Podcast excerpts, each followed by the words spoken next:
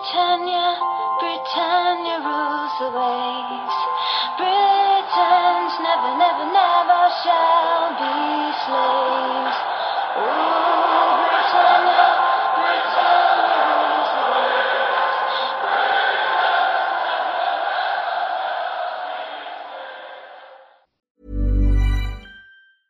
Hiring for your small business? If you're not looking for professionals on LinkedIn, you're looking in the wrong place. That's like looking for your car keys in a fish tank. LinkedIn helps you hire professionals you can't find anywhere else, even those who aren't actively searching for a new job but might be open to the perfect role. In a given month, over 70% of LinkedIn users don't even visit other leading job sites. So start looking in the right place. With LinkedIn, you can hire professionals like a professional. Post your free job on linkedin.com slash people today.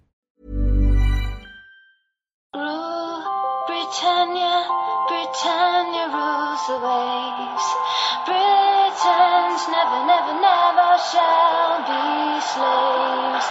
Ooh, Britannia, Britannia rules the waves.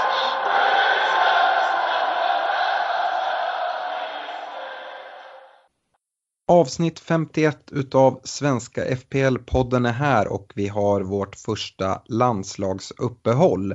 Vi spelar denna vecka in onsdagen den 4 september och agendan för dagens avsnitt är att vi först ska gå igenom några korta notiser som vi tycker är värt att, att nämna.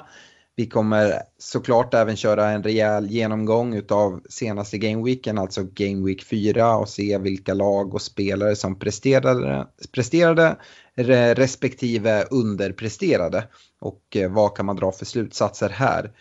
Vi kikar in i toppen av poddligan där vi ser några riktigt fina resultat. Eh, tyvärr till skillnad från vårt poddlag som vi också ska kolla till och eh, ja, snacka, snacka lite kring och se hur vi ska få det på fötterna igen. Vi kommer inte komma med några nya rekommendationer utan det gör vi i nästa vecka. Däremot ska vi följa upp förra veckans rekommendationer där du Stefan lyckades lite bättre än vad jag gjorde men det kommer vi till senare. Och sen avslutar vi som vanligt med lyssna frågor. Innan vi drar igång så tänker jag fortsätta tjata om att eh, om ni inte har gått med i vår poddliga, se till att göra det. Som sagt, vi har beslutat att hålla Eh, det det öppet att gå med i ligan hela vägen fram till Game, eh, game Week, start av Game Week 9, alltså vid andra landslagsuppehållet. Så se till alla era vänner som inte har gått med än att eh, hoppa med. Som sagt finns jättefina priser från våra partners i Dynamo Sport, Glenn Sportsbar och unisportstore.se. Det går alltså att eh, vinna allt från fotbollsresor till eh, presentkort på sportbar, eh, presentkort på att köpa matchtröjor och sådana saker. Så självklart om man spelar fantasy ska man vara med i poddligan. Ligakoden finner ni på vår Facebook-sida. Och eh, som vanligt är detta avsnitt sponsrat av vår spelpartner Coolbet. Varför inte passa på att spela på EM-kvalet nu i landslagsuppehållet? Ett landslag som verkligen har imponerat på senare tid är Nederländerna som ställs inför en annan gammal stormakt inom landslagsfotbollen redan nu på fredag i Tyskland. Jag tycker att Nederländerna känns mycket piggare än ett Tyskland och Coolbit, Coolbet Coolbet ger dig exempelvis hela 3,45 på nederländsk seger. Vi ska även nämna att spel är enbart för dig som är över 18 år och tänk på att spela ansvarsfullt.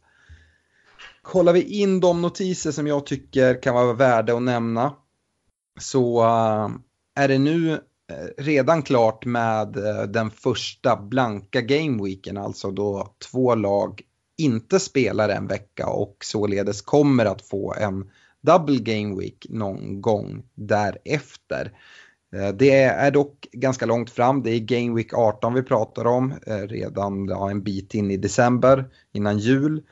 Och det är West Ham-Liverpool som den matchen kommer flyttas då Liverpool spelar VM, VM för klubblag. Vi har nämnt det här tidigare men nu är det alltså helt klart att den matchen inte kommer att spelas eh, i Game Week 18.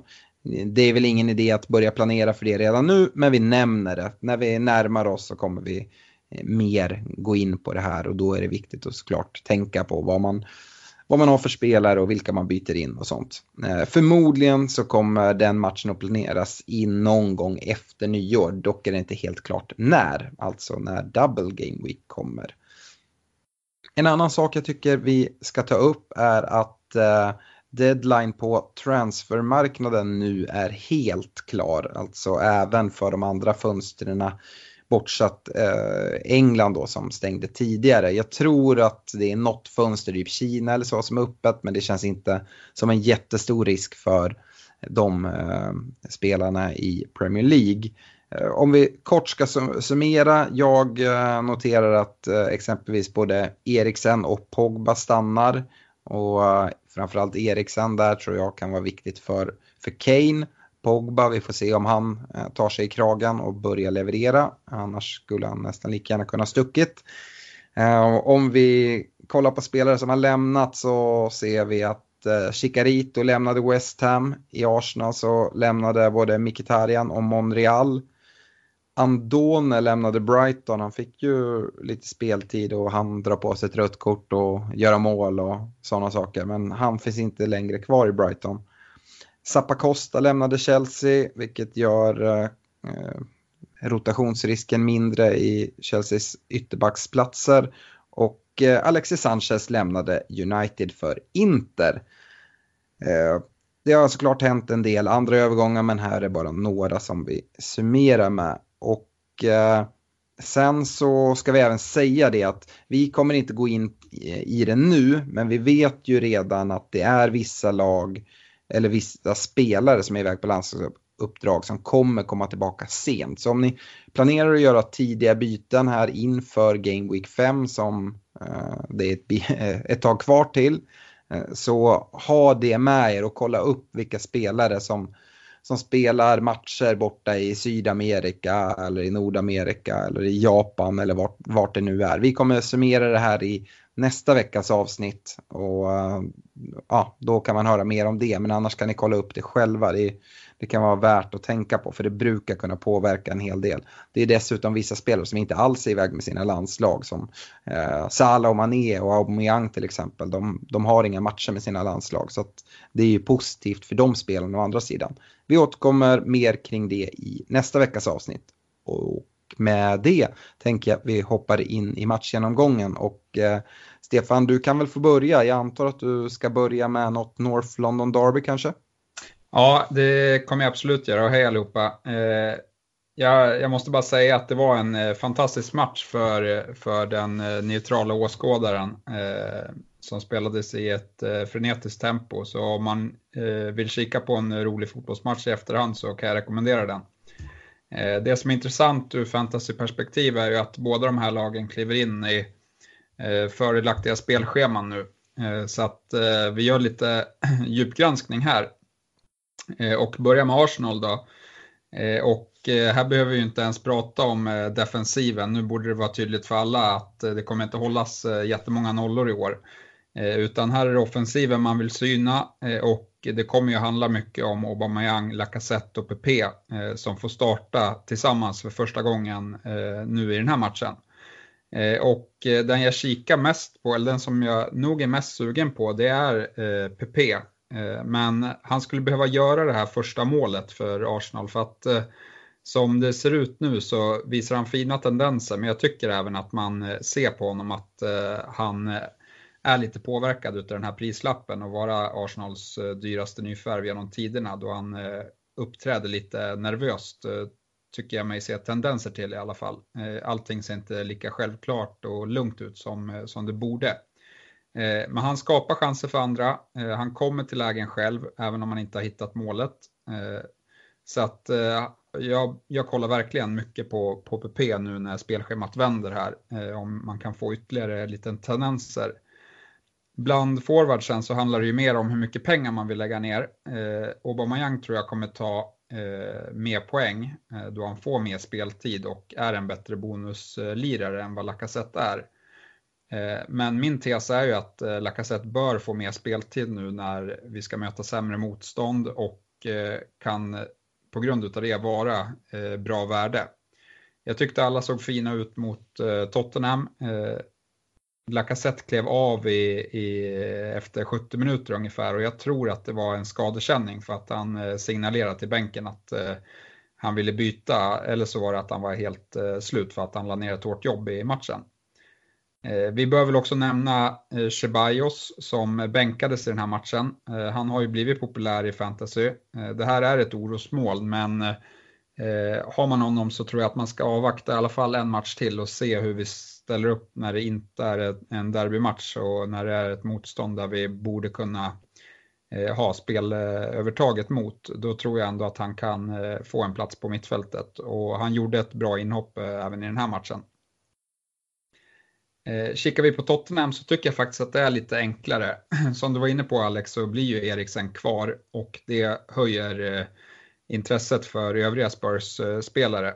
Eh, och eh, allra mest intressant i, i mina ögon är Son som jag tycker har kommit tillbaka och eh, imponerar väldigt mycket. Eh, han, var, eh, han betyder enormt mycket för deras kontringsspel eh, och eh, eh, har ett fint samarbete med Kane. Och Kane blir lite mer av en bollmottagare eh, när, när eh, Spurs backar hem och kontrar och han är duktig på det. Så att eh, han skarvar och han suger in bollar och så lägger han eh, ut dem på, på en sån som kommer i, i 110. Eh, om inte Spurs hade haft ett väldigt fint spelschema hade jag nog nöjt mig med, med Son här, men eh, på grund av det här fina spelschemat så tycker jag ändå att Kane också är intressant.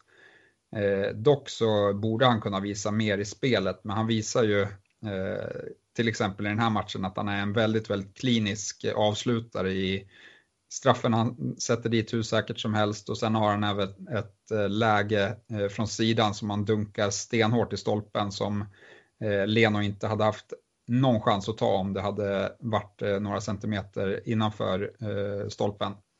Så att eh, får han lägen då kommer han göra mål, men eh, jag tycker att han kan visa än lite mer i spelet. Har du någonting att tillägga Alex? Eh, nej, inte något att tillägga. Jag noterar dock att du nämner att PP känns som den mest intressanta före både Lacazette och Aubameyang, vilket jag tycker sticker ut lite. Du, jag vet att uh, du nämner Son också. Du uh, gillar Kevin De Bruyne, Sterling, uh, Liverpool-mittfältarna. Det blir ett väldigt dyrt mittfält. Ja, jag har ju ingen Liverpool-mittfältare. Nej, men eh, min, min plan i privata laget är i alla fall att ha två 9,5 eh, mittfältare. Jag, som sagt, jag gillar De Bruyne, Son och PP allihopa och PP är den som eh, inte har visat tillräckligt just nu, men eh, det kan ändra sig. Jag tror som sagt att får han göra eh, ett mål, eh, då tror jag att det kan rulla på. Han kommer till väldigt mycket lägen, så att jag tror att han kan sätta dit dem bättre än vad han har visat eh, tendenser till här. Ja, intressant. Jag, jag är nog, jag förstår vad du menar. Jag är lite mer avvaktande till PPA. Jag tycker att prislappen är något för högt satt. Det, det är absolut en duktig fotbollsspelare men eh, inte helt övertygad att han har det där sista som krävs. Utan känns lite som en ja, en bättre spelare såklart, men en, en liten uppgradering av Iwobi där man, det kan se väldigt bra ut fram till sista aktionerna och där mm, fallerar det lite grann. Så att eh, jag skulle vilja se lite mer innan jag eh, höjer upp honom. Om vi ska prata eh, lite mer om Aubameyang och Lacazette ändå, så jag håller med dig där. Aubameyang kommer säkert få mer speltid, men Eh, det väger väl upp lite för Lacazette ändå, för att när de spelar så är det väl Lacazette som tar den centrala rollen. Ja, absolut, men det vi har sett eh, mycket i den här, eller mycket, vi har ju inte sett så många matcher, men Lacazette, eh, likt Firmino, kommer väldigt djupt ner eh, och Aubameyang och Pepe är de klart mer offensivare spelarna. Så att det är väl det jag oroar mig lite grann för. Nu gör ju Lacazette mål i den här matchen, men det, det är på en situation där vi tryck efter, eh, efter en hörna och så vinner Guendouzi bollen eh, på mitten så att alla är redan offensivt och eh, Lacazette eh, visar att han är en liksom, duktig på att hitta ytor och bryter igenom. Men i själva spelet så, så är Aubameyang och PP de två mest offensiva. Mm. Förväntar du dig att det är Lacazette som rullar dit straffsparkarna? Nej, det skulle jag inte vara helt säker på. Det är väldigt osäkert skulle jag säga. Eh, då i, i fjol så var ju Aubameyang första straffskytt, eh, men han missade en straff mot Spurs. Eh, Pepe, han dunkade in nio straffar för Lill i fjol. Så att eh, han ska nog också blanda sig i den där eh, straffordningen. Så vi får se när vi får vår första straff eh, vem som tar den helt enkelt. Yes. Eh, vi går vidare och eh, jag tänkte prata Manchester City-Brighton. 4-0 blev det där till City. Och eh, trots det 4-0 fick vi se det mest populära kaptensvalet i Sterling den här veckan blanka i Game Week 4. Eh, några som inte blankade däremot var Kevin De Bruyne som äntligen fick göra mål, 1 plus 1. Eh, och detta efter endast 71 sekunder. Och Agüero som gör 2 plus 1. Dessutom fortsätter David Silva chippa in med poäng efter två nya assist. Och även inhoppande Bernardo Silva fick göra en kasse i stort sett direkt efter inhopp. Eh, jag lockas inte av någon av Silva-gubbarna med anledning av rotationsrisken är fortsatt hög och jag känner mig inte alls lika säker på deras fortsatta poängproduktion jämfört med de andra spelarna som jag nämnde och även om Sterling blankade här så tror jag inte att det är någonting eh, man ska vara speciellt orolig över. Eh, denna match fick vi även se försvarsgiganten Laporte bäras av på bår redan i matchminut 37 i en sekvens där han dessutom fick gult kort. Det ser ut som att City kommer få klara sig utan Laporte under en längre tid och eh, oturen fortsätter grina poddlaget eh, rätt upp i ansiktet. Det, vi hade ju tagit in han i vårt eh, wildcard där men eh, nu är det bara att skeppa ut honom direkt. Eh, Stefan eh, gör eh, den här försvagningen utav Citys försvar, eh, den borde ju påverka på, på många sätt. Tycker du att man kan fylla på med någon eh, sit, annan Cityförsvarare eller kommer Cityförsvaret påverka så mycket negativt? Jag vet att du har pratat om en eventuell eh, trippel eh, City offensivt istället. Vad, ja, vad säger du? Ja, jag tror det kommer absolut påverka Citys defensiv. Eh, sen eh, i vissa matcher kan de säkert hålla nollan ändå eh, på grund av att, eh, att de är så överlägsna i vissa matcher. Eh, men eh, om det här betyder att Otamendi ska spela eh, mer så kommer det såklart innebära en försvagad backlinje. Så att det, det kan vara lockande på pappret att plocka in sitt försvarare för 5,5 här, men jag, det kan även trilla in bollar tror jag. Ja, jag, jag hör vad du säger. Jag är, jag är nog lite inne på att Otamendi nog kommer få fortsätta bänka i alla fall när Stones är tillbaka. Jag tror eh, att eh, eftersom att Rodri har övertygat så mycket så tror jag att Fernandinho kan få kliva ner i en mittbacksposition som han har gjort tidigare och gjort det ganska bra. Jag tror att det är det mest troliga men ja, är, man, man, gissar sig ju fram här men det, det är någonting som Pep gillar. Uh, vi har sett det tidigare när han skolade om Mascherano till till mittförsvarare i Barcelona och jag tror att Fernandinho kan gå samma väg till mötes. Eh, eh, dina tankar kring eh, att gå riktigt all out city och typ köra med De Bruyne, Sterling och Agüero. Tror du att det är ett alternativ? Det är nog för mycket budget in i city men samtidigt så har de övertygat extremt mycket så att det behöver inte vara fel. De eh, vinner de flesta matcherna med 3-4-0 eh, och som spelschemat ser ut så, eh, så skulle det faktiskt kunna fortsätta.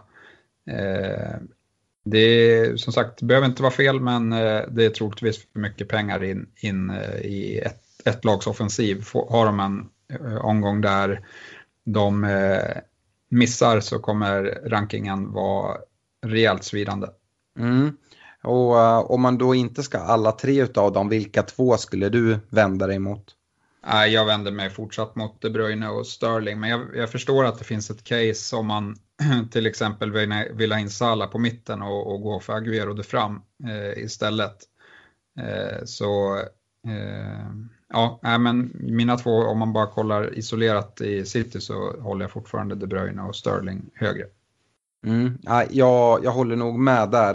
Eh, tänker du då, eftersom att du säger att försvaret förmodligen kommer påverkas negativt, tänker du personligen att du då ska endast gå med två City-spelare eller kommer du ha en City-försvarare också? Hur, jag har Sinchenko redan i privata så där kommer jag ju ha tre stycken eh, mm. tills eh, Sinchenko eh, börjar roteras eh, för mycket. Eh, mm. Men för de som sitter på två endast nu eller har Laporte, där tycker jag att det är lite svårare beslut för att eh, det finns andra 5,5 backar som eh, kan vara av intresse också. Absolut. Men man ska ha med sig riktigt bra spelschema framåt här efter landslagsuppehållet. Och eh, jag tror det med Citys bollinnehav som de kommer ha så kommer det vara mycket av försvarsspelet som är gjort också. Så jag tror inte att det helt kommer braka samman nu när Laporte försvinner men såklart en rejäl försvagning. Om vi istället går till Brighton då som eh, fick tuffast möjliga motstånd eh, så finns det ändå positiva saker att ta med sig. Framförallt så fortsätter nyförvärvet Trossard att hota offensivt och ta sig till fina offensiva positioner. Kollar man bakomliggande statistik så är Trossard faktiskt den spelare på planen, inklusive City-spelarna, som hade högst eh, expected goals av alla på Etihad. Och då gjorde ändå Agüero eh, två baljor. Så eh, ja, Trossard imponerar och eh, Potter eh, visar att han gärna spelar offensiv fotboll. Jag tror Pep efter, var väldigt glad i, efter matchen i intervjun och sa det att äh, så här det är kul att se att det är lag som verkligen försöker. Sen så om det är en, ett så vinnande koncept, ja det blir ju 4-0. Men ja, det fick vi i alla fall se. Det vi också fick se i lördags var en liten oväntad bänkning av Brightons dyraste FPL-försvarare i Duffy. 5,0 kostar han. Till förmån för nyförvärvet Webster som är prisad 4,4 just nu. Och eh, stora frågan här är ju om det kommer att fortsätta. Eh, Brighton har två bra matcher efter landslagsuppehållet, följt av två lite svårare innan vi på nytt tar landslagsuppehåll. Och mitt tips, inte bara för Brighton det är att kolla lite i fyra matchers intervaller eftersom att landslagsuppehållen kommer då också. Så när man planerar, kolla kommande fyra matcher, hur ser de ut eh, innan man gör byten. Både att byta ut men även att byta in. Så eh, ja, det, har man massa Brighton-spelare så eh, kanske man bör ha någon plan att se om man ska sätta dem på bänken eller byta ut de här eh, Eh, vid Game Week, efter Game Week 6. Eh, ja, jag fortsätter med Burnley-Liverpool som Liverpool vinner med 3-0. Eh, och eh, de spelar ju som ett mästarlag i den bemärkelsen att eh, de vinner klart utan att egentligen imponera. Eh, och i den här matchen så är det Mané och Firmino som gör målen. Eh, men eh, det är fortsatt Salah som har mest boll i och eh, runt straffområdet. Däremot så tycker jag att Firmino eh, fortsätter bygga ett allt starkare case för sig själv. Eh, den uppenbara risken med honom är ju antal minuter han får spela. Eh, men de har fått en rätt eh, lätt Champions League-grupp. Eh, så här kanske man eh, kan vila lite spelare i Champions League några omgångar och istället sätta högsta prio på ligan som man inte har vunnit på, eh, ja Alex, du vet ju hur många år, men det är många år. Eh, ja.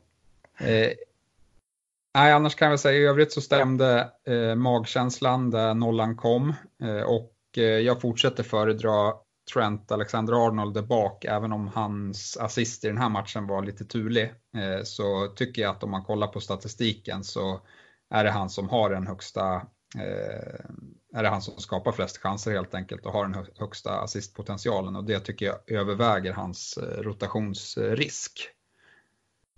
Om man eh, kollar på Burnley så kliver de in i ett fint spelschema nu. Eh, så det kan säkert trilla in lite poäng på Barnes och Wood. Eh, värt att notera är att det är återigen Wood som får 90 minuter medan Barnes eh, byts ut i den här matchen till, för, till förmån för Rodriguez som eh, vi har sett eh, i alla matcher att eh, de byter ut en forward. Eh, jag tror att det här kan ha eh, varit för att eh, Liverpool ledde klart eh, och att man kanske sparade barns eh, krafter lite. Så jag håller honom före Oden då, men, eh, men det behöver inte vara dumt om man eh, vill chansa lite grann med Wood. jag gillar även Pope i Burnleys kasse. Det ska bli väldigt intressant att se kommande avsnitt, Stefan, alltså nästa vecka då vi tänkte göra en liten statistisk djupdykning och kolla på alla bakomliggande stats, hur mycket sämre Wood verkligen är en Barnes. Jag sitter ju med, Bar med Wood i mitt privata lag där jag har kämpat rätt hårt. Men det är ju helt overkligt vilket självmål han får. Du nämnde det, eh, Trents assist som han får. Att Wood får självmål där känns ju, känns ju lite jobbigt. Men äh, jag sitter kvar med Wood i mitt privata och hoppas att det ska vända. Men äh, vi kollar lite närmare på det i nästa vecka. Jag går vidare med Chelsea-Sheffield United, en eh, 2-2 match. Och eh, jag kan säga så, jag har ganska mycket att säga om Chelsea och väldigt lite att säga om Sheffield United. Så vi börjar väl med Chelsea ändå. Och eh, ja, Tammy Abraham fyllde på sitt målkonto med två nya kassar och eh, med det borde han väl stärka sina aktier som första striker i Lampards ögon, eller? Eh, och om det inte hade varit för en jätteparad av Henderson i början av andra halvlek hade han dessutom gått ifrån matchen med ett hattrick. Så ja, jag tror Tammy Abraham ligger ganska långt fram nu eh, och jag förstår att det är många som byter in honom. Eh, men eh, ja, eh, i övrigt så eh, Kristensen där fick finna sig på bänken till fördel för unge Tomori i mittförsvaret. Eh, lite överraskande och eh, Lampard sa efter matchen att han förväntar sig att Rydiger ska vara fit efter landslagsuppehållet. Så det återstår att se vilken försvarare som får förtroendet bredvid honom. Jag tycker Kurt Zuma har ju knappast imponerat de här fyra första game weeksen. Eh, Självmål blev det i, i den här matchen även om man kanske inte ska lasta han för mycket för det. Men ah, det stärker ju inte hans aktier direkt. Eh, en annan defensiv kugge i Aspilicueta eh, har ju tidigare säsonger bara imponerat match efter match. Men han hade det fortsatt jobbigt ute till höger här och hans säsong har inte börjat bra. Eh, och om det inte blir bättre där kan hans startplats snart vara hotad. Eh, jag nämnde att Zappacosta lämnade här nyligen men eh, den egna talangen Reece James är åter från skada här väldigt snart. Eh, och ja, då tror jag Lampard har visat att han inte är rädd för att kasta in unga spelare och jag tror att Reece James inte alls är långt ifrån att få chansen före Aspilicueta. Så en liten varningsflagga där om man sitter med Aspi. Eh, Annars så tycker jag det. Vi har sett två tydliga sidor hos detta Chelsea under den här säsongen hittills. Eh, ett ganska påhittigt lag på offensiv planhalva, i alla fall i stora delar av matcher. Men samtidigt ett rätt så virrigt försvarsspel eh, som spelar med alldeles för små marginaler ibland. Eh, detta stämde även in i, i matchen mot Sheffield United, vilket oroar lite extra för mig då Sheffield United är väl det lag som bör ses som ett av de minst anfallsorienterade lagen. Och kan de göra två mål på Stamford Bridge så ger det klara signaler på att vi kanske inte kommer se så många nollor överhuvudtaget den här säsongen för Chelsea. Eh, Wolves borta och Liverpool hemma väntar efter landslagsuppehållet. Men eh, efter, eh, från Game Week 7 och framåt ser schemat mumma ut och bortsett från hete Abraham på topp så vänder vissa blickarna mot mittfältet. Och eh, i denna match såg vi dock inte speciellt fina insatser från någon av Mount, Barkley eller Pulisic. Mount är dock den jag mest kikar mot personligen då han verkar ha Lampards förtroende. Och Sheffield United då, ja, jag sa att jag inte hade så mycket att säga och eh, med deras bedrövliga spelschema så rör jag inte deras spelare. Lundström som många redan har kan man behålla men i min mening så ska han allt som oftast starta bänk med det här spelschemat.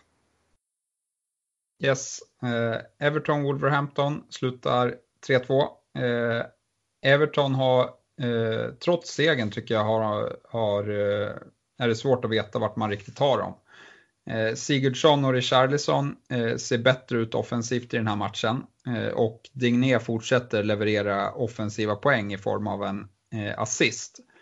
Eh, dock så ser ju försvarsspelet fortsatt eh, svajigt ut här där man släpper till mycket lägen.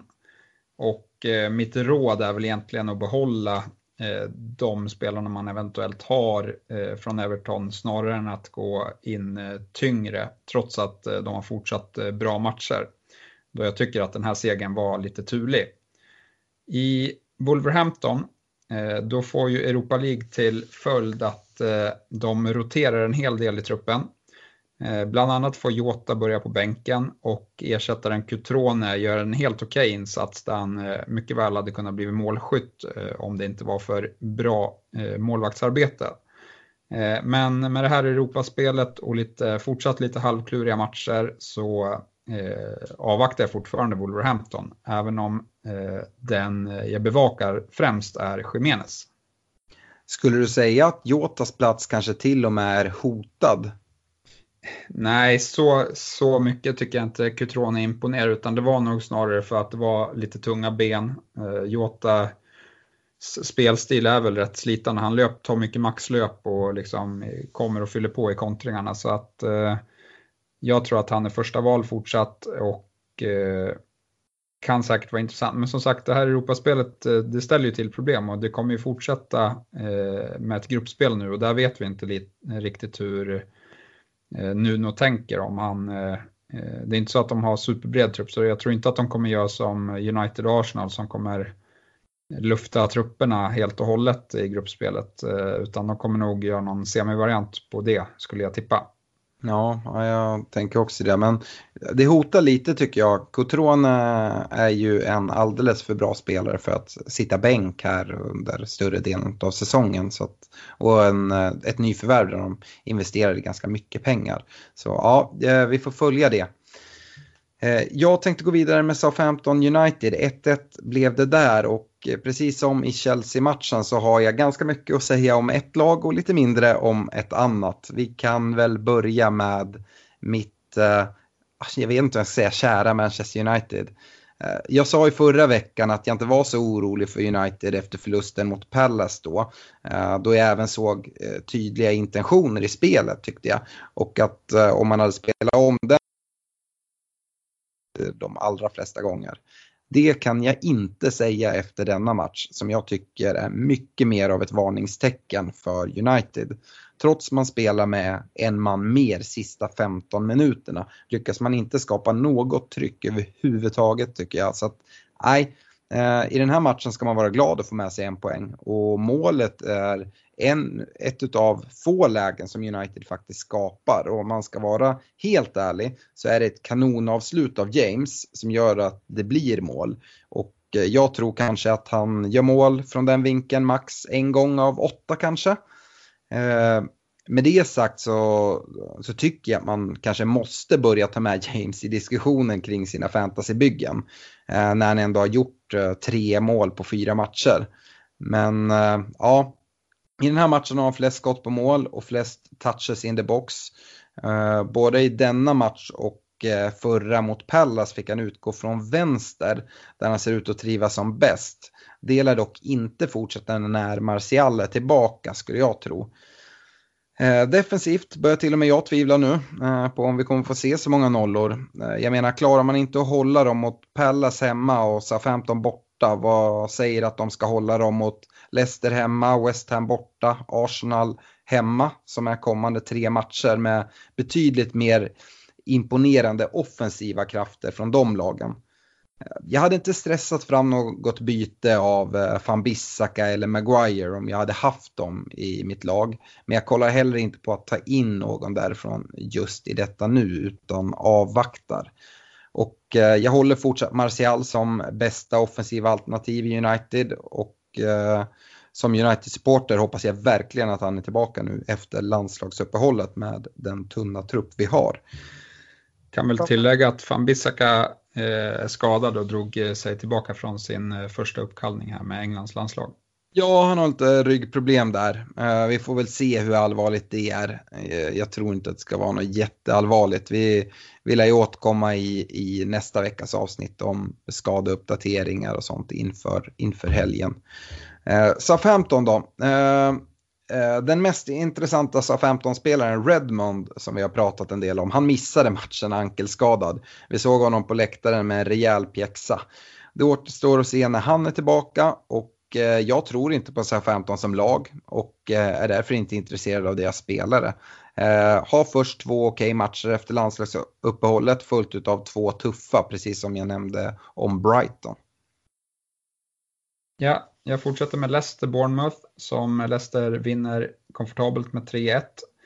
Eh, och Eh, det gör man väl rätt väntat då Bournemouth har inlett eh, svagt. Men i den här matchen så visar ju Vardy sin klass eh, på ett helt annat sätt än eh, i de tidigare matcherna. Eh, dock så väntar ju nu tre matcher utav de fyra kommande mot topplag. Och är det någon som ska kunna leverera från Leicester i de matcherna så är det väl Eh, just Vardy. Men eh, jag tycker ändå att det är oroande att eh, spelschemat är tufft.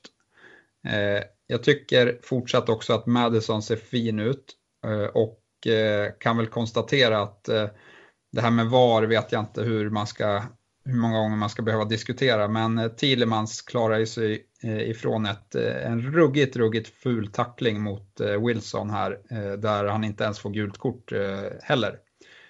Och då var ställningen 2-1.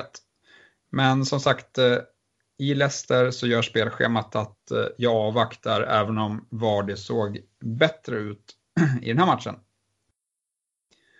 För Bournemouths del så eh, är det lite jobbigare. Men nu väntar ett gäng matcher där jag tror att de har ett fin chans på offensiv utdelning i alla fall. Och man kanske bör kolla mot Wilson som trots att han har tagit poäng i samtliga matcher eh, i år har tappat eh, väldigt mycket ägare. Så han har gått ner i pris, men han har eh, levererat faktiskt. Inte några jättepoäng, utan det har varit tickat in fem poäng varje omgång. Och med de här matcherna som jag tror att Bournemouth kan göra mål i så, så kan han vara intressant. Vi såg även att det var Fraser som assade honom i vanlig ordning i, som vi såg så många gånger i fjol. I övrigt så tycker jag inte att eh, det finns något intresse i Bournemouth eh, just nu. Kan väl nämna också att eh, de spelade en eh, tre, eh, trebackslinje här eh, med wingbacks där Fraser var en av wingbacksen och det gjorde att Rico som kostar 4,0 inte fanns med i startuppställningen. Ja, Wilson är, är ju intressant såklart. Det, man ska väl bara, han ska väl bara tacka gudarna att han inte är borta större delen av säsongen på, av den där Thielemans-satsningen. Den var rätt eh, brutal. Eh, West Ham Norwich då, två intressanta lag skulle jag säga. 2-0 blev det till West Ham och vi startar väl med West Ham av den anledningen. Väldigt fin offensiv insats skulle jag säga, som mycket väl eh, hade kunnat göra fler än sina två mål framåt. Haller på topp gjorde mål igen och ser ut att vara navet i deras offensiv. Och det här är en spelare jag tror mycket på framåt och med tanke på bra spelschema bör man eventuellt kika på ta in någon offensiv pjäs härifrån. Vi ska väl nämna det eftersom du var inne på VAR-diskussionen på Thielemann så har ju även Haller en eh, Eh, tidig satsning som, som skadar eh, Zimmerman i Norwich eh, som vi kommer komma till när vi pratar Norwich sen då. Men det blev ingenting utav det. Om eh, vi pratar offensiva pjäserna från West Ham så är mitt första val just Haller. Men även Lanzini ligger nära till hans och han var den som skapade mest lägen av sina lagkamrater när man kikar den bakomliggande statistiken. Eh, Lanzini utgår precis bakom Haller och flankeras av Andersson och eh, den andra målskytten i den här matchen, Jarmolenko. Samtliga av de här offensiva spelarna tycker jag imponerar stort i den här matchen med eh, Filippe Andersson och Jarmolenko som också hotar och skulle kunna eh, Filippe Andersson kom inte med i målprotokollet men skulle lika gärna kunna göra det. Eh, så um, ja, eh, jag tycker alla de imponerar men som sagt Lanzini är den mittfältare som jag själv kollar mest mot. Om man nu bara kan hålla sig hel, han har ju haft en del skadehistorik historiskt. Norwich då? Ja, skadebekymmer i mittlåset kan man ju bara konstatera. I den, inför den här matchen så saknades Handley och Klose på grund av skador. Dessutom tvingades då mittbacken Zimmerman, eh, som gjorde sin första start efter skada, att kliva av skadad igen redan i matchminut 36. Och eh, när Zimmerman klev av skadad så hände något med Norwich och deras annars så fina offensiva spel gick i stå. Eh, precis innan skadan så hade bland annat Cantwell en mycket bra chans att, att måla återigen. Eh, men eh, som sagt efter skadan så skapade Norwich i stort sett ingenting. Om alla dessa skadebekymmer i mittlåset kvarstår till efter landslagsuppehållet kommer det att bli väldigt tufft för Norwich då Manchester City kommer på besök här i Game Week 5. Hörde jag kaptensbindel? Pookie då, undrar ni. Har eh, Pookie Party nu tagit slut? Ja, sett till den här matchen så var det en ganska blek insats från finnen. Eh, precis som övriga offensiva spelare. Sen kanske man inte ska dra allt för stora växlar av en enskild match. Men eh, statistiken såg betydligt sämre ut för Pookie än vad det har gjort de första tre gameweeks då han har gjort succé och till och med haft bud på mer än vad han har levererat. Och det har ändå varit riktigt, riktigt bra. Ja, jag fortsätter med Palace Villa som Palace vinner med 1-0 och eh, jag tycker väl att de vinner rättvist eh, även om det finns ett kontroversiellt beslut i den här matchen också. Eh, men de har ett tufft spelschema bortsett från hemmamatcherna mot Wolves och Norwich. Och därför tycker jag inte att så många är intressanta. Men jag ska i alla fall nämna två budgetspelare som kommit fram och det är forwarden Ayou Eh, som kostar 5,1 nu. Han gör mål för två matcher i rad. Eh, så för den prislappen så är det såklart bra gjort. Eh, sen har vi även mittfältaren Kouyaté för 4,9 som i den här matchen hela har, ni, har hela nio touch i boxen där sex av dem ledde till avslut. Så han imponerade stort med sitt spel i, mot Villa. Eh, för Villas del så kan det här redan vara eh, ett bevis på att det börjar bli jobbigt i Premier League skulle jag säga. Det är lite synd då de har ett, eh, ett rätt fint spelschema. Det är inte så många som imponerar. Budgetforwarden Wesley tar i alla fall sig till två nya lägen. Eh, McQuinn däremot, han har inga egna avslut i matchen och heller inga bolltouch i boxen. Däremot så skapar han två chanser för medspelare.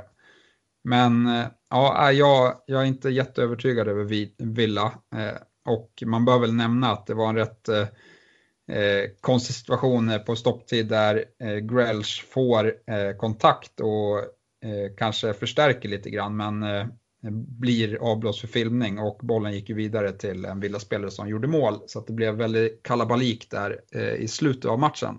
Men VAR vill inte blanda sig i, i den bedömningen heller. Men Stefan, det var ju helt sjukt. Du skrev till mig, typ, har du sett Graylish, han filmar när de gör mål. Men hade du sett situationen själv då när du skrev det? Nej, jag bara, jag bara såg eh, på att det var liksom när han gjorde mål. Ja, det är det mest vidriga jag har sett. Det, det måste vara, vi har sett många dåliga beslut här eh, av inledningen, men det här är nog det sämsta vi har sett. Han, han, får ju en rejäl tryckare i sidan innan han kommer in i straffområdet och sen dessutom blir det en kontakt. Som sagt, det är inte en jättehård kontakt, men han faller och han är redan lite ur balans. Dessutom så spelar han ju ifrån sig bollen och passar fram sin lagkamrat så han fortsätter ju spela. Det är inte så att han lägger sig och skriker efter någon straff utan han fortsätter spela, passa bollen och sen göra mål. Det är helt sjukt. Alltså jag hade varit tokig som, som Villa, Villa-fan. Och eh, Graylish där, ja, ja, nej. Eh, Jag går vidare med två, två skitlag. Förlåt eh, Newcastle och Watford fans, men eh, det här kommer hållas kort. 1-1 såg vi. Eh, Newcastle, eh, jag tror alla vet vad jag tycker om Newcastle-spelarna i fantasy. Håll er borta. Svagt lag, bristfällig manager och dåligt spelschema. Bara håll er borta. Eh, Liverpool borta väntar i Game Week 5.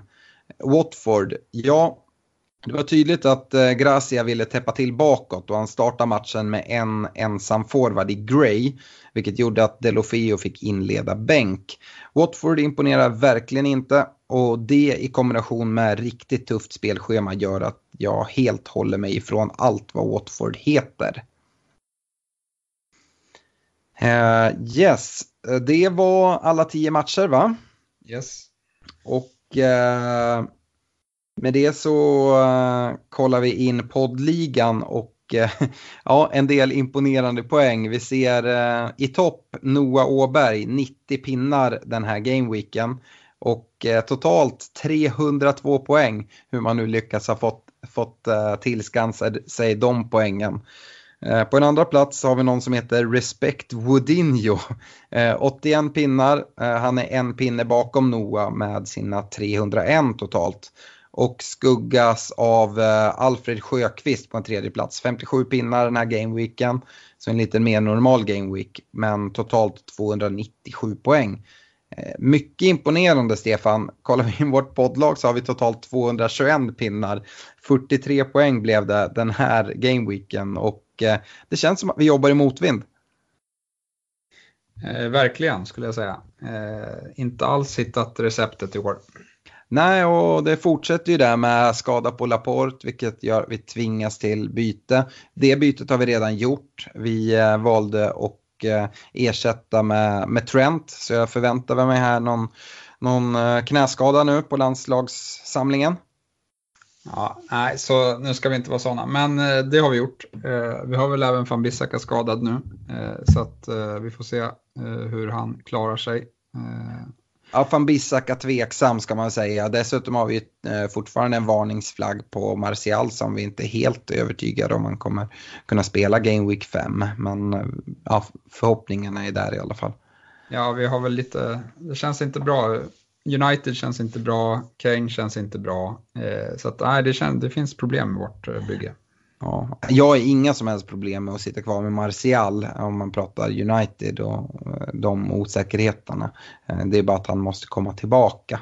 Men ja, vi ska inte prata så mycket om poddlaget utan det här kommer Eh, Eh, vi fortsätta få prata om i, i, nästa avsnitt där det blir mer aktuellt där vi ser om vi ska göra ytterligare byten och så. Men eh, eh, vi har fått in några lyssnarfrågor, nu, nu går jag lite i, i förväg här men det är någon som har skrivit så här, ja eh, när ska man ge upp, när ska man lägga ner sitt lag? Eh, och där är ju min eh, solklara grej att det gör man inte. Har man spelat några säsonger dessutom så vill man hålla ett bra snitt och bra statistik. Men man ska även veta att det har inte gått så många game weeks och även om vi ligger på 221 pinnar nu och eh, 80 pinnar efter ledaren i poddligan så eh, det kan gå, det är många game weeks kvar att ta igen de här eh, 80 pinnarna man ligger bakom. Så att det är inte alls kört att gå om den som ligger etta. Sen är det ju ganska många man ska gå om men eh, eh jag tror kanske eh, att vi kommer få det väldigt tufft att vinna poddligan i år. Det tror jag. Men eh, jag är relativt säker på att vi kommer förbättra på vår overall rank som vi ligger på nu. Det, det kommer vara de som lägger ner och spelar. Det kommer vara de som missar att göra byten och missar deadlines och sätta kapten och sådana saker. Om man bara fortsätter hålla uppe ångan så kan man göra rejäla eh, avancemang. Och, eh, oavsett hur hur mycket motgångar du har haft hittills så eh, finns det alla chanser i världen att eh, avancera rejält i dina miniligor. Eh, vi ska ju prata lite rekommendationer och egentligen framförallt förra veckans rekommendationer. Och jag hintade lite om det i början av avsnittet Stefan, men har du koll på dina rekommendationer? De föll ganska väl ut. Absolut, det är det man försöker plocka fram varje vecka. Det kan man ju inte säga om en annan dag. Eh, jag, jag rekade Emerson i försvaret, en pinne där. Medan du rekade Trent och han fick 11 pinnar med sin konstiga assist. Yes, det var ju väldigt mycket mer. Nej, men eh, det var en, det var en turlig assist, men eh, som sagt, han, han hotar ju konstant med, med sina inlägg och nu var det ett inlägg som tog turligt och gick i mål. Det hade kanske kunnat bedömts som ett mål eh, direkt också. Eh, men eh, ja, 11 poäng ska man vara nöjd med. Ja, verkligen. På mittfältet så rekade jag Sterling som nu blankade för första gången och du rekade Son som kom iväg med fem pinnar. Ja, det var egentligen lite underkant. Det var, hade inte Leno gjort en magisk räddning så hade Son varit, varit målskytt i, i matchen. Eh, men eh, fem poäng får man vara nöjd med. Han imponerar eh, tycker jag. Så att han tror jag på nu när Spurs har lätta matcher. Jag ska säga det, jag tror ju på Sterling även fast han blankar i den här matchen och hans tre pinnar. På forwardsidan ser man helt plötsligt att ja, men där satte jag det, där Haller med sina åtta pinnar. Men såklart trumfar du då med Agüero som tar det dubbla. Ja, det är, det är så. Vi skulle kört den här tävlingen den här veckan känner jag. Ja, jag hade bra. Det, det, känner jag inte alls. Nej. Jag sparar mig till den. Nej, men eh, ska man eh, snacka lite Agüero så var det ju kanske överkant att han gjorde två mål och en ass. Eh, då han hade inte, de lägen han hade var inte jättelätta, i alla fall inte det han avslutar utanför straffområdet rakt i krysset. Och assisten gör han ju bra såklart till, till Silva, men 16 pinnar var kanske lite överkant för Agüero den här veckan. Men eh, han ser ju såklart fin ut. Ja, vi kan ju även nämna kaptensvalet då. Där sa vi ju båda egentligen att ja, men det är ju City som ska kaptenas. Och eh, alla sitter ju på Sterling så han kan man ju sätta binden på. Har man Agüero så är ju det ett jättebra val. Eh, och ja, Sterling tar 3, Agüero tar 16 så att det blir ganska stor skillnad. Eh, om man nu hade båda i laget så hoppas jag inte att man valde Sterling. Då skulle i alla fall jag gräma mig väldigt mycket. Eh, på varningssidan så, jag sa att man ska försöka spara sitt byte. Eh, och då ha dubbla nu till, till landslagsuppehållet. Det tycker jag stärks ganska mycket av. Vi ser van Bissaka få lämna landslagssamlingen. Pogba är varningsflaggad också, tror jag har lämnat sin landslagssamling om jag inte har helt fel för mig. Eh, ja, Laporte, skada och sådana saker. Så det kommer hända mycket här. Eh, du, Stefan, varnade för Wolverhampton och eh, ja, mycket med tanke med Europaspel också. Ja, eh, och eh, man ska väl inte såga dem för deras insats mot Everton där de faktiskt gör det bra och eh, skapar hetare chanser än Everton. Men det blir en ny förlust och det finns fortsatt stora frågetecken kring, kring deras rotation här med tanke på Europa. Så jag tycker att varningen kvarstår. Mm.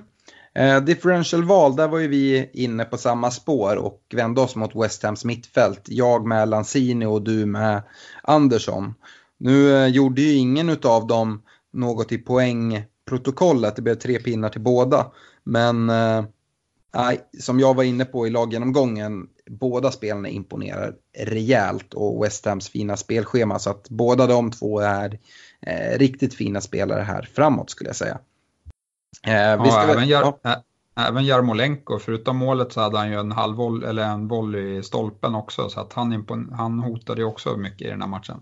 Ja, den volleyn var ju typ i momentet innan målet kom nästan. Så att, men absolut, Jarmolenko var, var jättefin. Jag tycker West Ham finns det, finns det mycket, mycket värde. Det gäller bara att välja vem man ska gå in på. Lanzini är mitt val bland mittfältarna. Eh, ja, eh, nu är det ju ett tag tills vi eh, tills Premier League drar igång. Men deadline är i alla fall lördag den 14 september 12.30 då Liverpool-Newcastle drar igång Game Week 5 vid, eh, vid 13.30.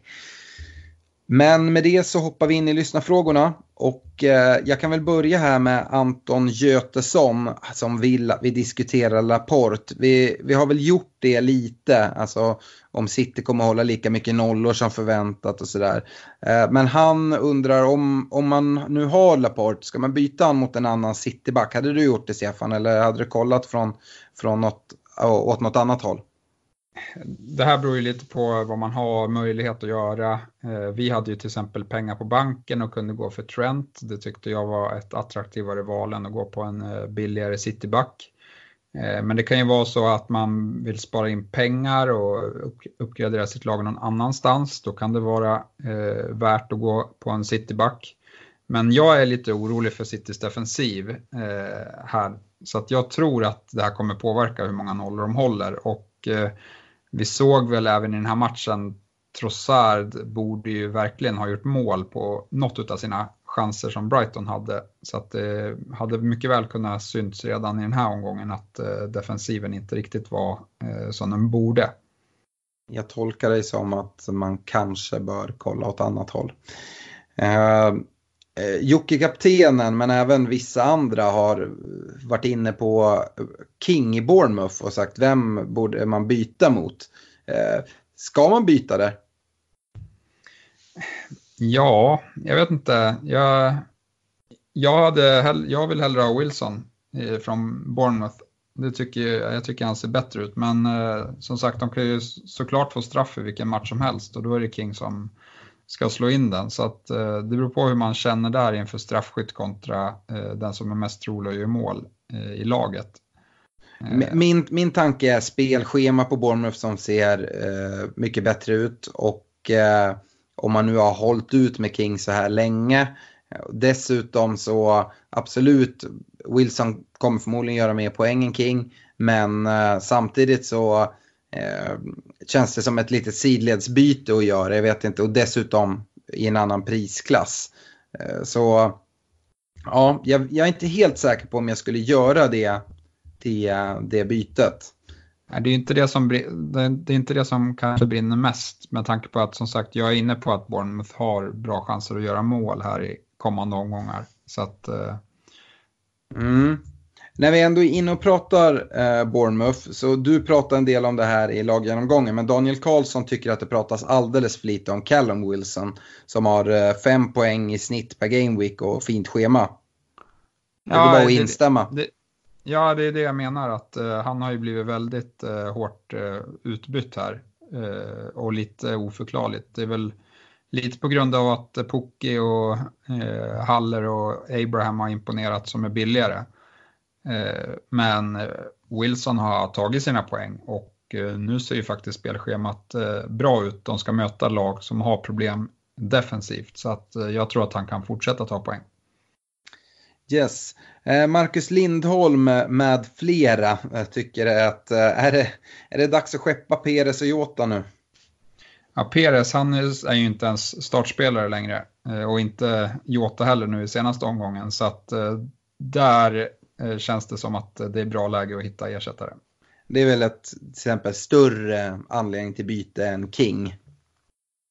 Absolut, har man tappat sin plats i laget, nu tror jag inte Jota har gjort det, men Peres har ju gjort det. Eh, då dessutom eh, Leicester vann på ett övertygande sätt här så tror jag att han kommer fortsätta på bänken.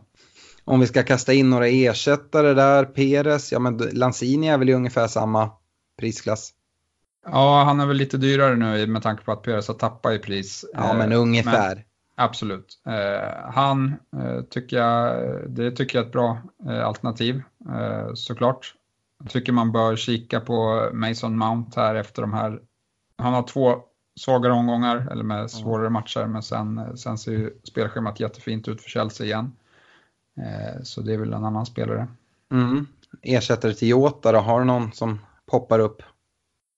Nej, där har man ju, ja King kan, kan väl vara aktuell då. Eh, annars har vi Burnley med enbart fina matcher i, i de här fyra som kommer. Eh, så att eh, en Wood kan man ju chansa med. Mm. Eh, Ja, om man inte har pengar till att gå upp till de här du nämner med. Eh, vi har ju flera som imponerar med Haller och eh, Pucki också, även fast han blankade den här. Eh, men Abraham också. Absolut. Haller är väl den som jag tycker sticker ut där. Han är helt given och uh, har Aj, fina jävlar. matcher. Jag gillar Haller som fan, men jag får inte in honom i mitt bygge. Uh, ja, vi får se hur jag ska lösa det där. Uh, Mikael Linder uh, states the obvious. Uh, han tycker att det snarare är Big, big Two än Big Six och undrar hur vi ser på det och hur det påverkar lagbygget. Jag tycker väl att vi har pratat lite om det här och att det är Liverpool och City som man bör nästan se på att få in tre spelare ifrån. Att de övriga lagen, där kan man hitta, hitta bra spelare. Men det är framförallt City och Liverpool som vi förväntar oss eh, mest ifrån. Ja, och det här är väl inget nytt fenomen skulle jag säga, utan det, i fjol så var det väl Big Two plus eh, att Spurs eh, hängde med längre än vad de borde på grund av en hel del sena mål och avgöranden. och sen var ju United, Chelsea och Arsenal över 20 poäng efteråt. Så att det, var, det är inget nytt fenomen för den här säsongen och det det, jag är helt övertygad om att det är två lag som slåss om titeln i år. Mm. Eh, Fredrik Norrström skriver in med lite roliga dueller. Eh, han säger Abraham eller Haller. Ja, Haller tycker jag trumfar ändå. Och det är lite på grund av kort eh, spel, eller så här, spelschemat på kort sikt eh, för Abraham också. Men Abraham, om han fortsätter starta vecka efter vecka och gör det bra och när de kliver in i sitt jättefina spelschema, då måste man nog eh, kika där. Om vi fortsätter mellan Chelsea och West Ham men kliver ner på mittfältet då, Mount eller Lanzini? Ja, jag, jag tycker fortfarande spelschema trumfar och väljer Lanzini där. Mm. Fast om man ska göra båda så kanske det skulle vara att rekommendera Haller och Mount för att sprida lite risker och sådana saker. Eller skulle du tycka att Haller Lanzini är rätt väg att gå? Eh, nej, två, två från West Ham känns lite overkill. Yes. Ja, ja, Haller tycker jag känns bet, äh, ännu bättre än Lanzini. Yes. Eh, Simon Nilsson, tankar kring Kristensen? Ja, som jag nämnde så fick han inleda bänk och Rydiger ser ut att snart vara tillbaka. Nej, undvik eh, Kristensen. Det är väl bara att skeppa direkt, för han är inne på det. Ska man ha is i magen eller skeppa direkt? Skeppa, för det kommer ju komma tillbaka en till mittback som är före honom i rangordningen. Yes. Uh, han undrar även Coleman i Everton, är det dags att fösa ut honom? Ja, alltså Evertons defensiv imponerar inte och uh, man har blivit lite räddad för att Eh, om man har ägt Digné för att han eh, plockar offensiva poäng. Men jag tror inte man kan förvänta sig eh, lika frekvent att Coleman tar offensiva poäng och då blir det ett problem när defensiven ser ut som den gör just nu. Yes. Uh, Charlie Bengtsson Jarup, han uh, har inte kunnat se så många matcher med Leicester men undrar om vi har gjort det och uh, hur Vardy har sett ut rent spelmässigt. Jag tycker inte att de har imponerat Leicester, fast jag måste ju medge att i den här matchen så, så tyckte jag man såg mer ut den gamla Vardy där han eh, såg rapp ut och eh, ja, straffade ett Bournemouth som eh, inte riktigt var vaket. Eh, ett av målen var ju en lång boll från backlinjen där han bara springer ifrån eh, ett högt stående Bournemouth och lobbar eh, in den. Det är så jävla snyggt. Ja, det är riktigt snyggt, men man kan ju fundera på eh, dels vad backlinjen håller på med och eh, målvakten står ju riktigt mycket på halvdistans där. Han är inte nära att, att vara först på och komma ut på den och då borde han kanske backa hem mer. Eh, så att, eh, nej men eh, Vardy såg bra ut i den här matchen, men som sagt tufft spelschema. Jag skulle vänta några omgångar. Mm, och jag gillar Vardy. Jag gillar Vardy jättemycket och speciellt under Brennan Rodgers. Han verkar trivas jättemycket. Det är en spelare jag gärna skulle haft i mitt lag, eh, men inte har. Eh, både Thomas Rosenqvist och Patrik Larsson eh, har lite tankar kring Delf i Everton som står listad som försvarare men spelar på mitten och nu gjorde sin första start. Ja, jag vet inte vad han kostar men jag håller Digné framför alla dagar i veckan ändå. För att Delf kommer inte ta speciellt mycket offensiva poäng tror inte jag. Nej, jag blev lite osäker nu vad Uh, jag tror han kostar, kostar rätt mycket också, 5,5. Ja, 5,5 när han kostar alla dagar i veckan. Uh, ja, 5,4 kostar han. Han har mm. sjunkit lite då. Nej, jag ser ju Digna som en bättre poängspelare. Mm. Uh, Baltzar Högman, backar som håller nollan, vilka lag inom kort? Och sen så är han själv inne på Burnley, ett lag som har väldigt fint spelschema. Ja, men det, Burnley gillar jag. Eh, och back, jag gillar väl Pope mest av alla där, men de har backar som eh, man kan byta in också. Eh, och, eh, men där är problemet, de man vill ha kostar väl 5,0 och eh, sen får man väl, om man vill testa någon back för 4,5 eller om Peters har gått upp så får man väl betala. Men då finns det en eh, liten rotationsrisk. Mm. Det, man, det jag gillar med Burnley-backarna för 5,0 det är om man kollar underliggande statistik så hotar de extremt mycket i, ehm, på fasta situationer med sitt starka huvudspel. Så det borde vara mål att eh, vänta här inom de kommande omgångarna från, från någon av mittförsvararna.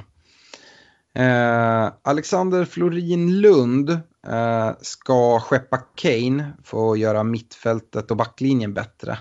Eh, vem ska in istället för Kane tycker du? Jag tänker det är många som kanske sitter med, med Kane och funderar på eh, downgrade honom. Är det Haller som vi har pratat oss så varma om? Ja, jag tycker han ser fin ut faktiskt. Eh, men jag förstår om man vill gå på, på Abraham också, men då har man två lite, eh, lite tuffare matcher eh, efter landslagsuppehållet som eh, han måste klara sig igenom. Ja. Och sen, sen, blir det lite kämpigt skulle jag säga. Man får tänka på att Chelsea kliver in i Champions League och det kommer påverka rotationsrisken en hel del. Absolut. Eh, om man ändå vill gå på, på Abraham och sitter med, med Kane då skulle jag väl nästan vänta i två game weeks och låta Kane spela. Då, då Spurs har ganska fint spelschema de, de här två ja. matcherna när Chelsea har det tuffare. Och vill man göra bytet direkt kanske Haller är att föredra. Mm, absolut. Eh, både Albin Andersson och Johan Gedhammar eh, är inne på van Bissaka. Ska man ha is i magen där eller är det dags att göra sig av med honom? Och nu ska vi säga det att då utgår vi från att han är hel och inte skadad. Är han skadad ska han såklart ut direkt. Ja, jag tror att det kan vara lite allvarligare skada än vad du är inne på Alex, för det är väl hans första landskamp han skulle spela och eh, man är väl inte jättesugen på att dra sig ur eh, en sån eh, landslagsuppkallning eh, med någon form av eh, ja, halvskada. Det är, inte, det är inte riktigt hans beslut. Nej, okej, okay. men eh, ändå så jag tror att hade det varit en träningslandskamp och det hade varit någon som är rutinerad, då tror jag att det hade varit lite lättare att dra sig, dra sig ur eh, rent så. Så jag tror att det kan vara lite, mm, ja, en lite allvarligare skada. Men om vi nu skulle få lugnande besked kring, kring skadan, tycker du att det är värt att uh, ta bytet på van Bissaka sätt till Ja, vi, kan, vi, kan, vi kan ändra om det och säga Maguire eh, som inte är skadad. Uh, att är det läge att skeppa uh, då Uniteds defensiv inte fungerar ens mot Crystal Palace hemma och sa 15 borta. Ja, nej, ja, det finns ett case absolut att, byta ut eh, United-backar eh, då de har lag som absolut kan straffa dem eh, kommande omgångar. Mm. Ja, jag tycker det finns ett case. Eh, inte helt säker på att det är där jag personligen kommer prioritera byten. Då jag tycker att det finns andra saker som snabbare måste åtgärdas. Och jag vet inte om hoppet är det sista som överger en, men jag tänker att Uniteds försvar kommer bli bättre när de får bli mer samspelta. Man får tänka att Maguire kom, eh, kom lite, lite sent. Just nu så tycker jag att det i stunder ser väldigt fint ut och sen så är det individuella misstag eller liksom slapphet som gör att de släpper till mål. Och det är ju såklart inte kul när man sitter med spelare i fantasy. Eh, Jaha, den ständiga frågan då. Den här veckan ställd av Martin Salin. Vilka måste med i ett wildcard? Eh, ja, man får ju inte glömma bort City, fortsatt superfina matcher. Eh, Kevin det... De Bruyne måste väl med, eller? Ja, han ser, han ser väldigt fin ut. Eh, det gör han. Så eh, nej, men City får man inte glömma. Jag tycker att eh, kollar man på Liverpools eh, spelschema här eh, kommande fyra så räds jag inte, framförallt eh, inte offensivt. Eh, jag tror att det kan bli en del utdelning där, men jag gillar eh, deras backar också så att nej, de två lagen får man ju inte gå, gå utan i alla fall. Nej, uh, några andra spelare, ja, alltså måste är alltid svårt men vi har ju varit inne på flera spelare som vi gillar väldigt mycket och Haller är ju en av dem i en lite lägre prisklass och sådär. Ja, sån, yeah. tyck, sån tycker jag ser extremt fint ut med de kommande fem Spurs-matcherna. Eh, där dessutom tre på, på hemmaplan. Mm.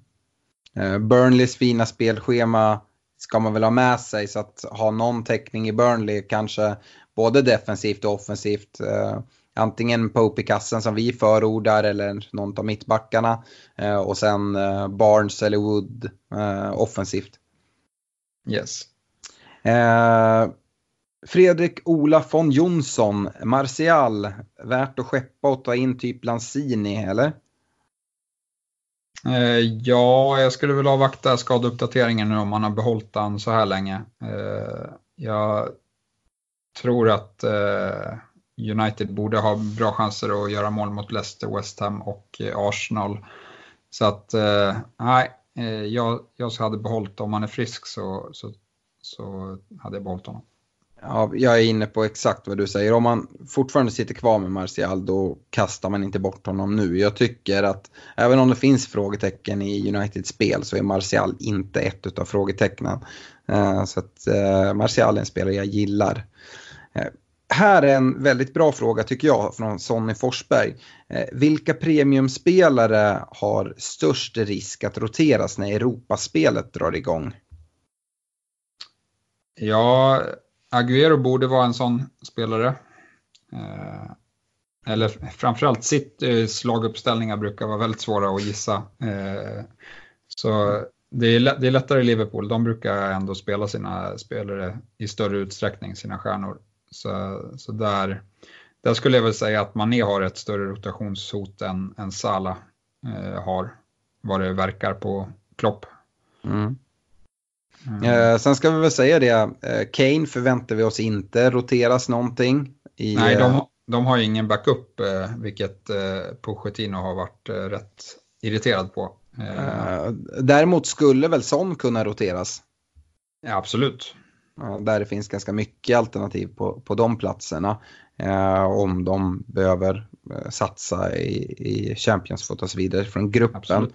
Eh, ska vi nämna det också där kring eh, Arsenals eh, offensiva pjäser att där behöver man ju definitivt inte vara orolig. Eh, för att jag tror Aubameyang och Lacazette och Pepe, det, de kommer hållas för ligaspel och vi kommer framförallt se, se juniorer i Europa League. Ja, eventuellt så kommer en utav strikersna få lira i Europa League typ och gör det lite så här varannan, varannan match. Då är det fin just toppforward så har vi ju tagit, skeppat ut våran eh, lovande yngling Enketia på lån. Just det, det är en bra eh, input där. Eh, sen så tycker jag man ska inte fastna bara på premiumspelarna för precis som du är inne på, Chelsea kommer spela Champions League-fotboll.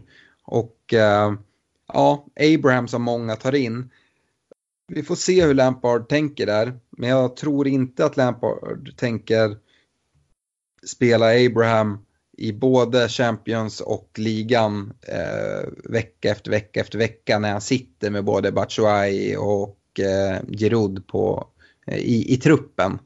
Så att eh, där finns ju risk. Det finns även risk där för de Mount och de andra mittfältarna eh, eftersom att vi ser spelare som är på väg tillbaka och komma in och kriga om platser där. Så att där kommer också kunna rotera sig. Det är inga premiumspelare men man ska ha det i åtanke nu om man väljer att ta in dem eh, så här, så här sent. Uh, ja, Jonathan Windahl ställer frågan Aguero eller Sterling. Det har vi väl svarat på. Det är Sterling vi, ja. vi, vi, vi, tror mer på.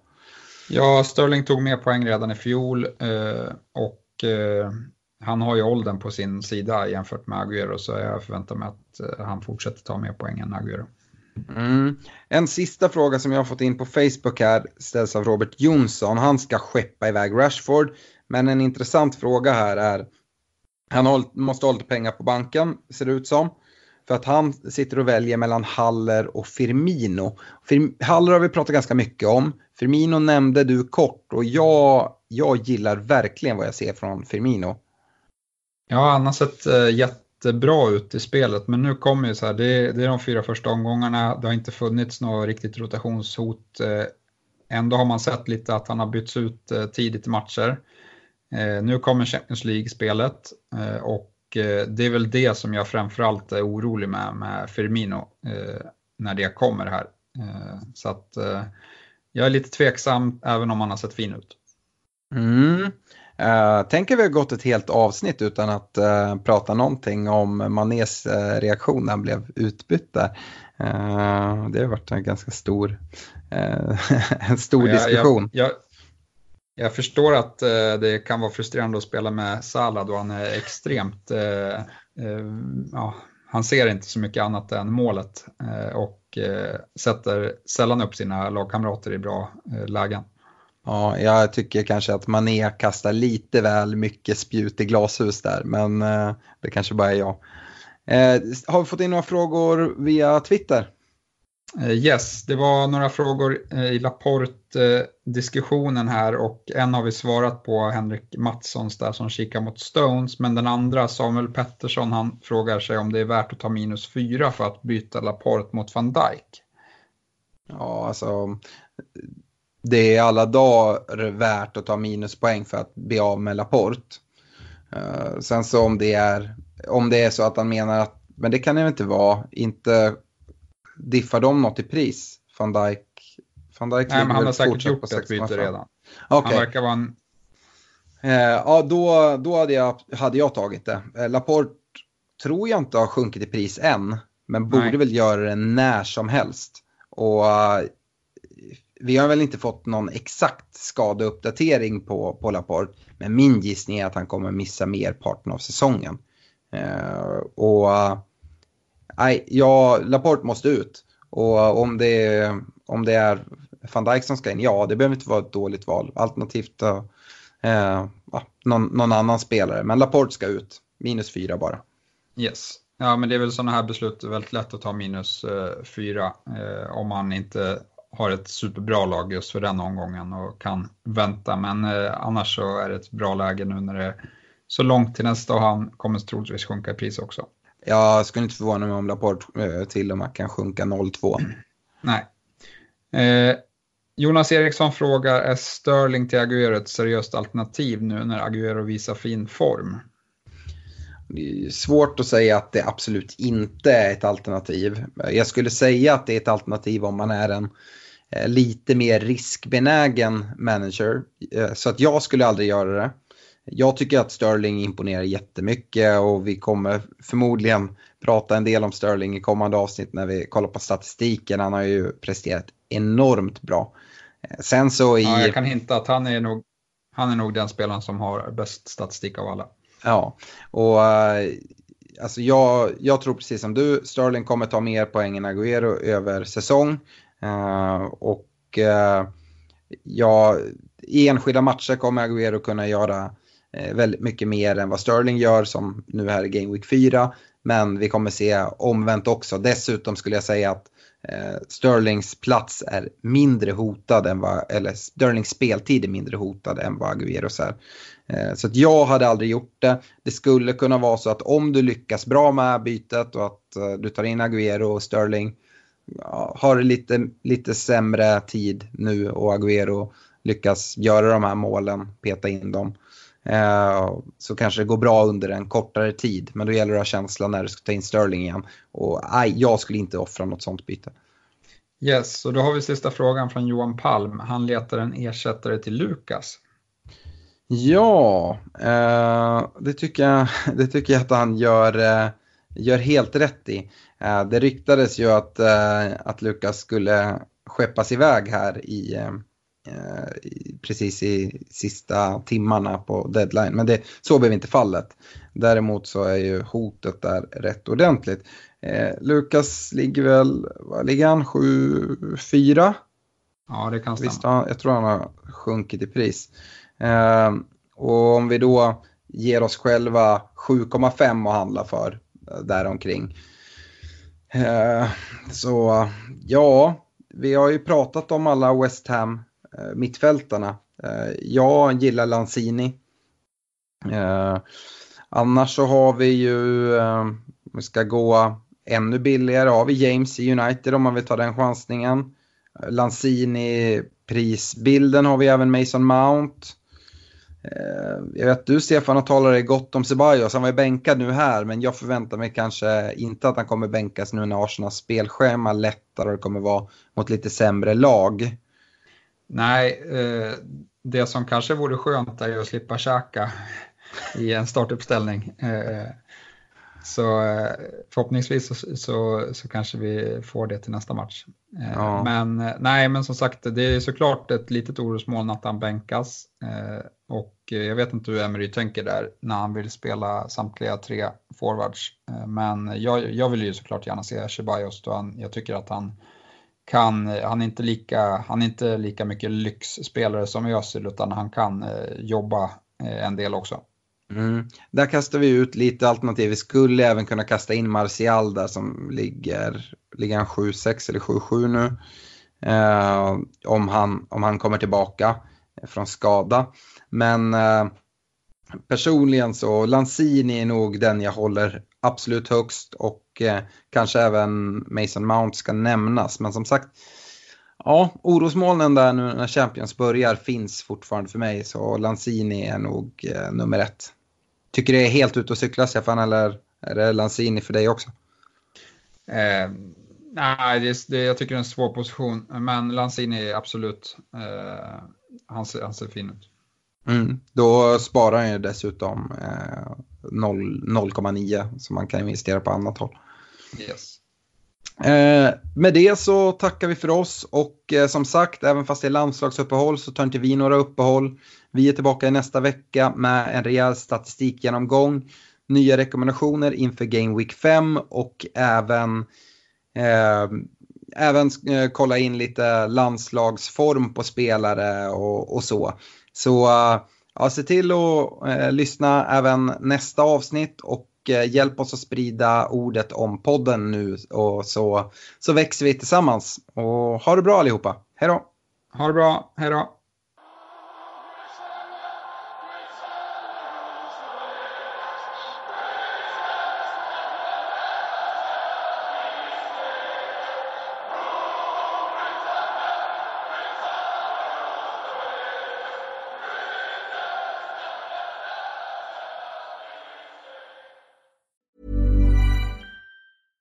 Want flexibility? Take yoga. Want flexibility with your health insurance? Check out United Healthcare Insurance Plans. Underwritten by Golden Rule Insurance Company, they offer flexible, budget friendly medical, dental, and vision coverage that may be right for you. More at uh1.com.